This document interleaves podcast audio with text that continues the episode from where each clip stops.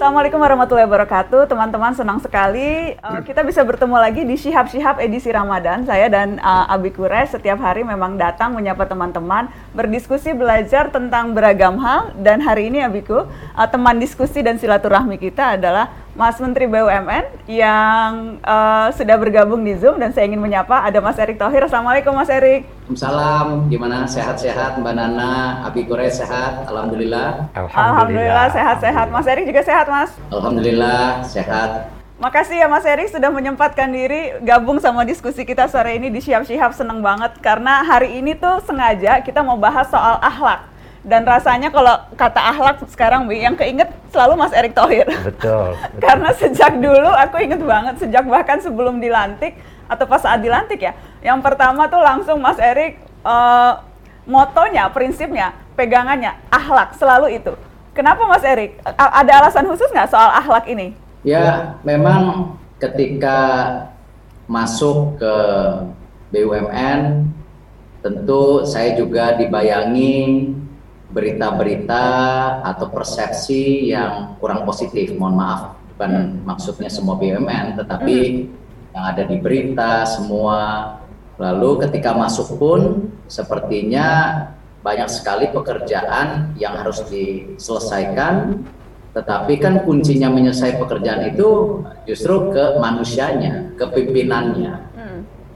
Kenapa? Ya pimpinan itu yang paling juga bisa melakukan perubahan kunci daripada kepemimpinan yang saya terpikir karena saya terinspirasi dengan tentu uh, keluarga saya sendiri yaitu salah satunya yang saya udah dipikir-pikir ya memang dari akhlaknya sendiri yang harus benar. Karena kalau tidak punya fondasi akhlaknya ya tentu dalam membuat keputusan-keputusan pasti selalu ada konflik. Bahkan tentu ada karena ini sesuatu kekuasaan dan dekat sama uang akhirnya tentu godaan-godaan itu cukup tinggi. Hmm. Ya akhirnya ya hati kita sendiri bisa nggak kita menahan nafsu, ya bisa nggak kita menerima amanah yang tentu tidak mudah dijalankan. Nah ya itu saja karena ya ya saya pikir ya akhlak menjadi salah satu kuncinya yang memang bisa menjadi perubahan dasar. Dan itu sebetulnya Bi, pilihan akhlak itu menggambarkan totalitas kita dengan hati, dengan apa pun. Betul. Eh, agama itu akhlak. Aku tidak diutus kecuali untuk menyempurnakan akhlak. Hmm. Jadi sebenarnya tepat sekali eh, dan eh, eh, saya kagum eh, bahwa dari kata akhlak lahir eh, aneka akhlak yang terpenting dalam konteks budaya kerja. Hmm. Ah, itu eh, kita lihat begini Pak Erik, eh, akhlak itu adalah kondisi kejiwaan yang menjadikan seseorang eh, mampu untuk melakukan sesuatu secara mudah. Hmm. Kalau yang dilakukannya itu buruk, akhlaknya buruk. Kalau yang dilakukannya itu baik, akhlaknya baik. Hmm. Nah, dan itu lahir dari pembiasaan. Hmm. Pembiasaan ini bisa dilakukan melalui pimpinan, bisa dilakukan melalui sistem pembiasaan dan itu yang melahirkan budaya kerja. Hmm. Karena budaya itu kan kebiasaan. Jadi eh, saya pada mulanya eh, teman-teman memberitahu saya, oh itu BUMN akhlak. Yang terbayang sama saya adalah eh, inilah tuntunan agama. Hmm. Karena akhlak itu kita butuhkan bukan sekedar dalam konteks berhubungan dengan sesama manusia Akhlak itu berhubungan juga dengan benda-benda tak bernyawa. Kita harus punya akhlak terhadap kertas. Hmm. Kita gunakan sesuai dengan tujuan dia diciptakan. Jadi eh, saya pikir eh, nilai ini harus menyertai setiap orang baik secara pribadi maupun secara kolektif. Lebih-lebih yang punya punya apa namanya itu punya dampak terhadap masyarakat. Jadi saya kira pilihan yang luar biasa tepat. Hmm. Mas Erik yang jelas kan kalau kata ahlaknya sendiri bermakna uh, dalam begitu seperti tadi kita dengarkan abis sedikit. Tapi ahlak dalam konteks uh, pegangan Mas Erik dan teman-teman di BUMN itu kan sebetulnya akronim ya Mas. Sing, uh, jadi iya. kepanjangan ya. dari beberapa uh, kata yang tadi Abi bilang ada nilai-nilai tertentu di tiap kata itu ya. Ya, ya memang kan salah satu akronim itu yang uh, kita bisa terapkan hari ini ya dan ada pandemi, ada perubahan perilaku masyarakat. Ya di dalam akhlak itu kan ada dua kata yang menurut saya untuk profesional atau diterapkan dalam kita bekerja secara bersama-sama ada kata-kata adaptif dan juga kolaboratif. Hmm. Nah ini memang ya kita coba tentu menyesuaikan core values daripada BUMN yang akhlak itu bisa diterapkan juga di segi dalam menjalankan kegiatan berkorporasi gitu. Hmm. Itu yang memang uh, kita coba uh, cari bagaimana penerapannya supaya tidak ada kesan menjadi mohon maaf uh, kalau salah bicara jadi agamais tetapi hmm. lebih kepada uh, tuntunan sehari-hari secara profesional. Hmm. Dan ya. apa menempatkan akhlak dalam menjalankan profesi itu itu itu memang sesuatu yang uh, uh, nilainya seperti apa menurut Abi? Nilai-nilai itulah nilai yang tertinggi. Hmm. Agama itu kalau kita bicara saya dari eh, segi agama itu itu apa namanya eh, studi saya yang eh, eh, yang eh, yang saya dalami. Eh, agama itu akhlak. Agama itu akhlak. Jadi semua nilai-nilai yang disebut dalam akhlak sebagai akronim itu adalah nilai-nilai yang terpenting hmm. dalam konteks kehidupan, bukan hanya dalam konteks kerja. Ini amanah, hanya kan amanah. Amanah, amanah itu, amanah itu, coba kita lihat, amanah itu terambil dari atau seakar dengan kata aman dan iman. Orang tidak bisa diserahi amanah kalau kita tidak percaya dia. Orang yang menerima amanah, barang yang diserahkan kepadanya harus aman di tangannya. Hmm. Jadi perlu iman dan perlu aman, baru ada amanah. Hmm. Dan eh, lebih dari itu kalau kita kaitkan dengan eh, sabda Nabi, itu salah satu penyebab kehancuran sesuatu adalah hilangnya amanah. Sewaktu ditanya, apa itu amanah wahai Nabi? Beliau menjawab, kompetensi. Orang yang menerima sesuatu tanpa dia berkompeten untuk menerimanya, tanpa dia mampu untuk menerimanya, maka kalau dia terima, itulah kehancuran. Hmm. Jadi saya lihat kaitannya sangat erat antara A yang berarti amanah dan K, K yang berarti kompetensi. Uh. Karena ciri-ciri orang yang amanah itu kalau memang dia kompeten dan dan apa namanya kalau tidak kompeten ya tidak. Jangan terima amanah itu. Hmm. Jangan terima amanah itu. Kalau di dalam Al-Quran itu dikatakan Tuhan menawarkan amanah ini kepada langit dan bumi. Mereka semua enggan menerimanya. Kami tidak mampu. Nah, kesulitan kita Pak Erik, sementara orang diserahi amanah, tapi dia tidak berkompeten namun diterimanya. Nah, di situlah kehancurannya. Hmm. Dan kompetensi itu hemat saya bukan hanya pada pimpinan, pada pada pegawai yang terendah pun harus punya kompetensi dalam bidang pekerjaannya. Hmm. Jangan jadi sopir kalau tidak punya SIM. Hmm. Jadi jadi saya sangat sangat terkagum-kagum dengan eh, akronim itu. Mas Erik boleh boleh share ke kita nggak uh, di keluarga yang yang Mas Erik jadikan panutan begitu. Karena tadi kan Mas Erik bilang bahwa itu itu salah satu mengapa Mas Erik merasa akhlak harus yang utama karena bagaimana didikan di keluarga. Eh, jadi mungkin bisa share ke saya dan Abi cerita di keluarga seperti apa? Ya, uh, alhamdulillah ya memang uh, kalau dilihat dari background keluarga saya sendiri kan cukup unik dan dinamis. Uh, almarhum bapak saya Muhammad Tohir itu kan e, memang bagaimana berdasarkan kepada anak-anak ini budi pekerti dan wawasan. Banyak hal-hal ajaran yang beliau juga sampaikan kepada saya e, seperti misalnya kalau kamu mau dihormatin orang ya kamu harus hormatin orang itu dulu respect itu dulu jangan kebalik ya petang petenteng e, kamu ingin dihormati kamu sendiri tidak pernah Eh, memberikan apa-apa kepada orang itu uh, secara baik gitu hmm. dan uh, hal yang lain juga selalu diterapkan bahwa ya kita harus yang terpenting dalam menjalankan kehidupan sehari-hari sebagai profesional pengusaha track record nama baik itu penting karena dengan track record nama baik penting uang itu bisa datang karena orang percaya sama kita dalam berbisnis ataupun diberikan pekerjaan. Yang lainnya menarik juga ketika kecil kita dididik kamu harus kaya. Buat kita anak kecil waktu itu atau masih SMP SMA kadang-kadang kenapa mesti kaya gitu kan? Ini materialistik sekali bapak saya. Cuman akhirnya ya beliau bilang loh, kamu kalau kaya itu kamu bisa bantu banyak orang. Hmm. Kamu punya uang, kamu bisa menjalankan kegiatan kamu, apakah berolahraga, apakah ini hidup sehat. Nah, itu yang memang diterapkan. Memang itu yang dan ibu sendiri, ibu saya sendiri seorang mualaf ya, uh, dulu Katolik. Nah, mungkin karena pendidikan juga background ibu saya yang uh, cukup uh, keras dalam arti keluarganya, ibu saya ya sangat mendidik saya yaitu lebih ke tentu disiplin, hmm. kerja keras. Nah ini yang memang kenapa uh, kita tuh di keluarga tadi saya bilang cukup dinamis. Dan ini juga yang membuat mungkin perbedaan kultur ini dan ini yang membuat ya alhamdulillah justru menjadi sebuah persiapan yang baik buat kami-kami sekeluarga untuk kakak saya ya kita alhamdulillah kita sangat harmonis dan menjunjung tinggi ya apa-apa yang dipesan oleh almarhum bapak saya Muhammad Tohir ataupun ibu saya sekarang sudah berusia 81 tahun. Masya Allah, sehat-sehat ya ibu mas?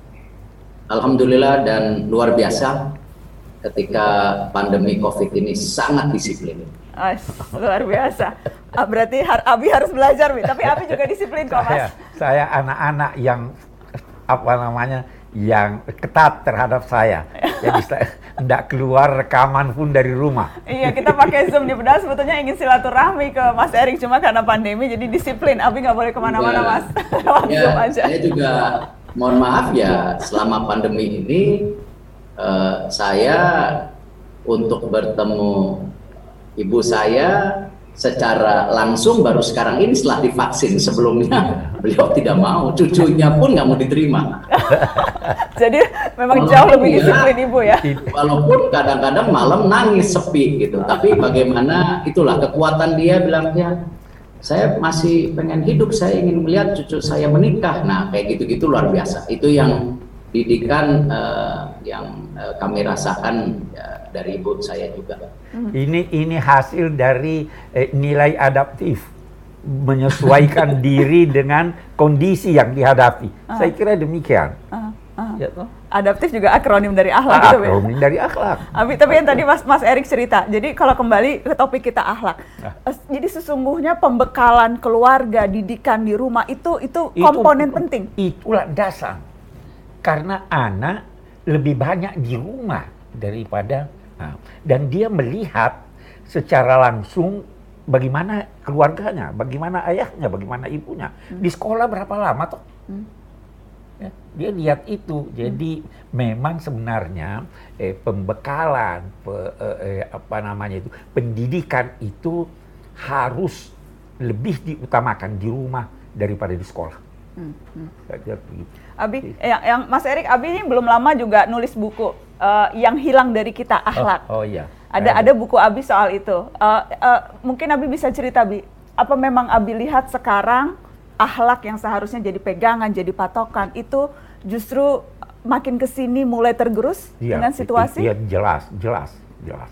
Itu kita tidak hanya berbicara di Indonesia, hampir di seluruh dunia akhlak itu dan itu eh, menurut pengamatan para pakar eh, yang pertama eh, di, di, disingkirkan dari akhlak, eh, disingkirkan darinya akhlak adalah politik, hmm. kemudian ekonomi, hmm. kemudian seks. Hmm. Itu sedikit demi sedikit ini. Kalau kita ingin memelihara akhlak ini, kita lihat deh budaya positif kita, bagaimana? Kita lihat deh itu. Jadi karena itu sudah sangat berkurang, maka lahirlah buku itu yang hilang dari kita. Hilang dari kita, salah satu bentuk akhlak itu adalah hubungan harmonis. Hmm. Kalau kita terus bersaing dengan eh, ini, tidak ada akhlak. Hmm. Salah satu akhlak itu rasa malu. Ini tidak ada. Hmm. Maka eh, lahir buku saya itu. Mungkin sudah sudah sekian tahun itu ya waktu, waktu Oh iya, dia bukan buku baru tapi oh baru di, dicetak Ah, ulang lagi dicetak Abi. ulang lagi, dicetak ulang lagi. dicetak. Abi melihat makin ke sini eh, makin mengkhawatirkan soal hilangnya akhlak kita ini. Kita tidak bisa, kita saya tidak mau berkata mengkhawatirkan, eh, karena kita harus selalu optimis. Kalau ada orang-orang yang eh, memimpin kita, orang-orang yang memberi perhatian pada akhlak, insya Allah itu akan bangkit kembali. Saya kira demikian. Mas Mas Erik gimana Mas? Yang hilang dari kita akhlak eh, itu sesuatu yang memang harus jadi sorotan menurut Mas Erik? Ya, saya rasa memang eh, mohon maaf kalau tadi Abi bicara kekuasaan uang, ya kan politik kekuasaan, eh, bisnis itu uang. Ya memang eh, kadang-kadang kan godaannya itu bagaimana filosofinya mengumpulkan sebanyak-banyaknya. Ya, Nah, ini ya tentu konteks yang tadi justru kan sebenarnya dunia ini nikmat tadi karena harmonis. Di Betul. akronim juga ada di akronim akhlak. ya ada juga Harmonis. harmonis. betul. Nah, eh, justru bagaimana keseimbangan, keseimbangan itu yang harus terjadi. Ya. Kita juga eh, tentu yang kebetulan eh, kerja di public service sekarang atau di pemerintahan, justru kesenjangan ini ya kita harus jaga, tidak bisa yang kaya makin kaya, yang miskin makin miskin. Ya salut, salah satunya tentu apa yang kita punya kebijakan.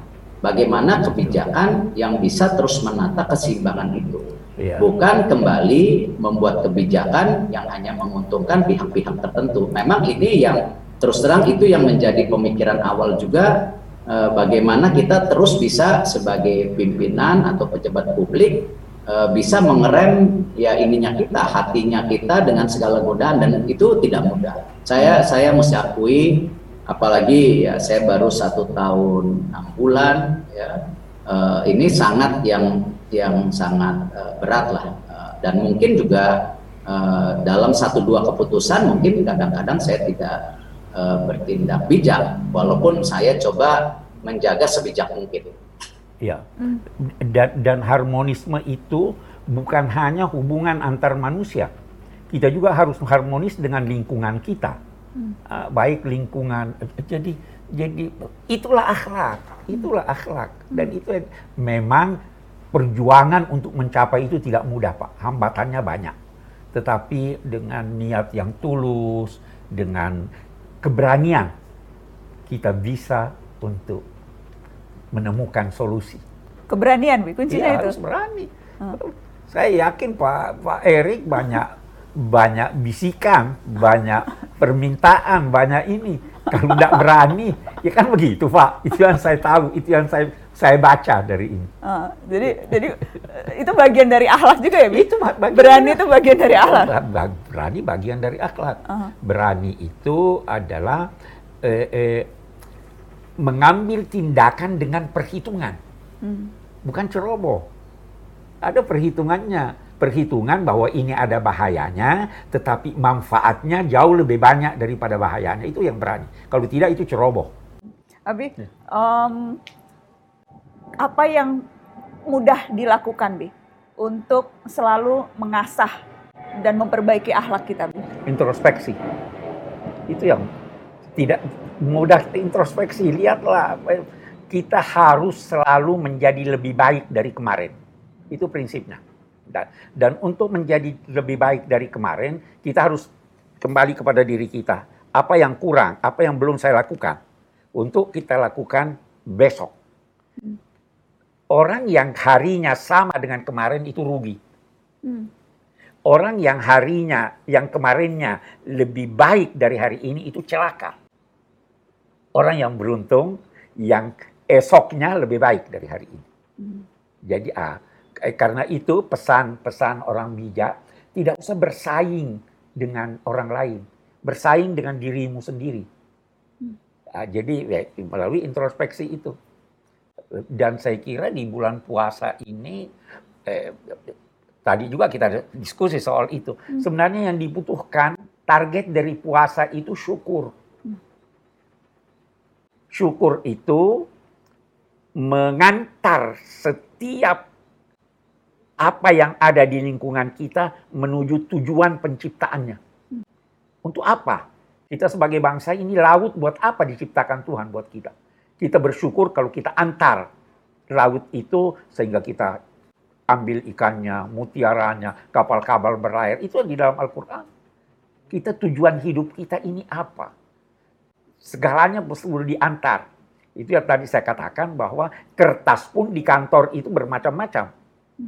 Ada kertas digunakan untuk eh, surat resmi, ada tisu, ada buat konsep.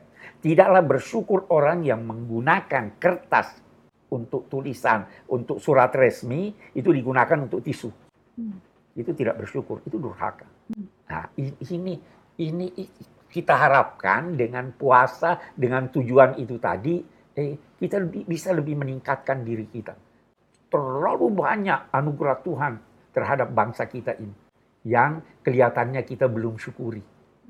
Ini kita di bulan Ramadan. Uh, tadi uh, Nana saya berbincang sama Abi uh, diskusi soal baiknya memang kita punya target-target nih di bulan Ramadan. Bukan hanya target uh, ibadah ritual apa yang bisa kita lakukan lebih, tapi juga misalnya target untuk perbaikan atau refleksi diri. Boleh nggak? Uh, aku minta Mas Eri mungkin share ke kita kalau nggak keberatan. Ada target tertentu bulan Ramadan ini apa yang ingin dilakukan lebih atau refleksi seperti apa supaya kita juga bisa belajar?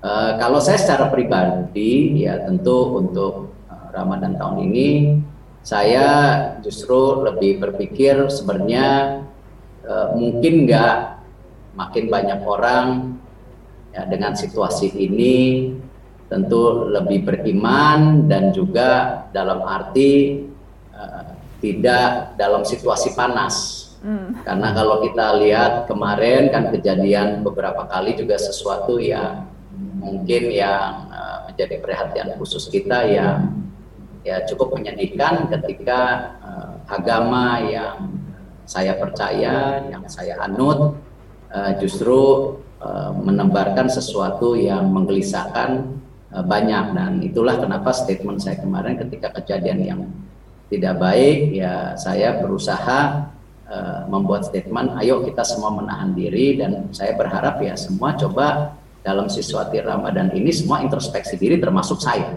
dalam selama ini satu setengah tahun dalam melakukan eh, kebijakan-kebijakan uh, yang mungkin juga perlu diintrospeksi.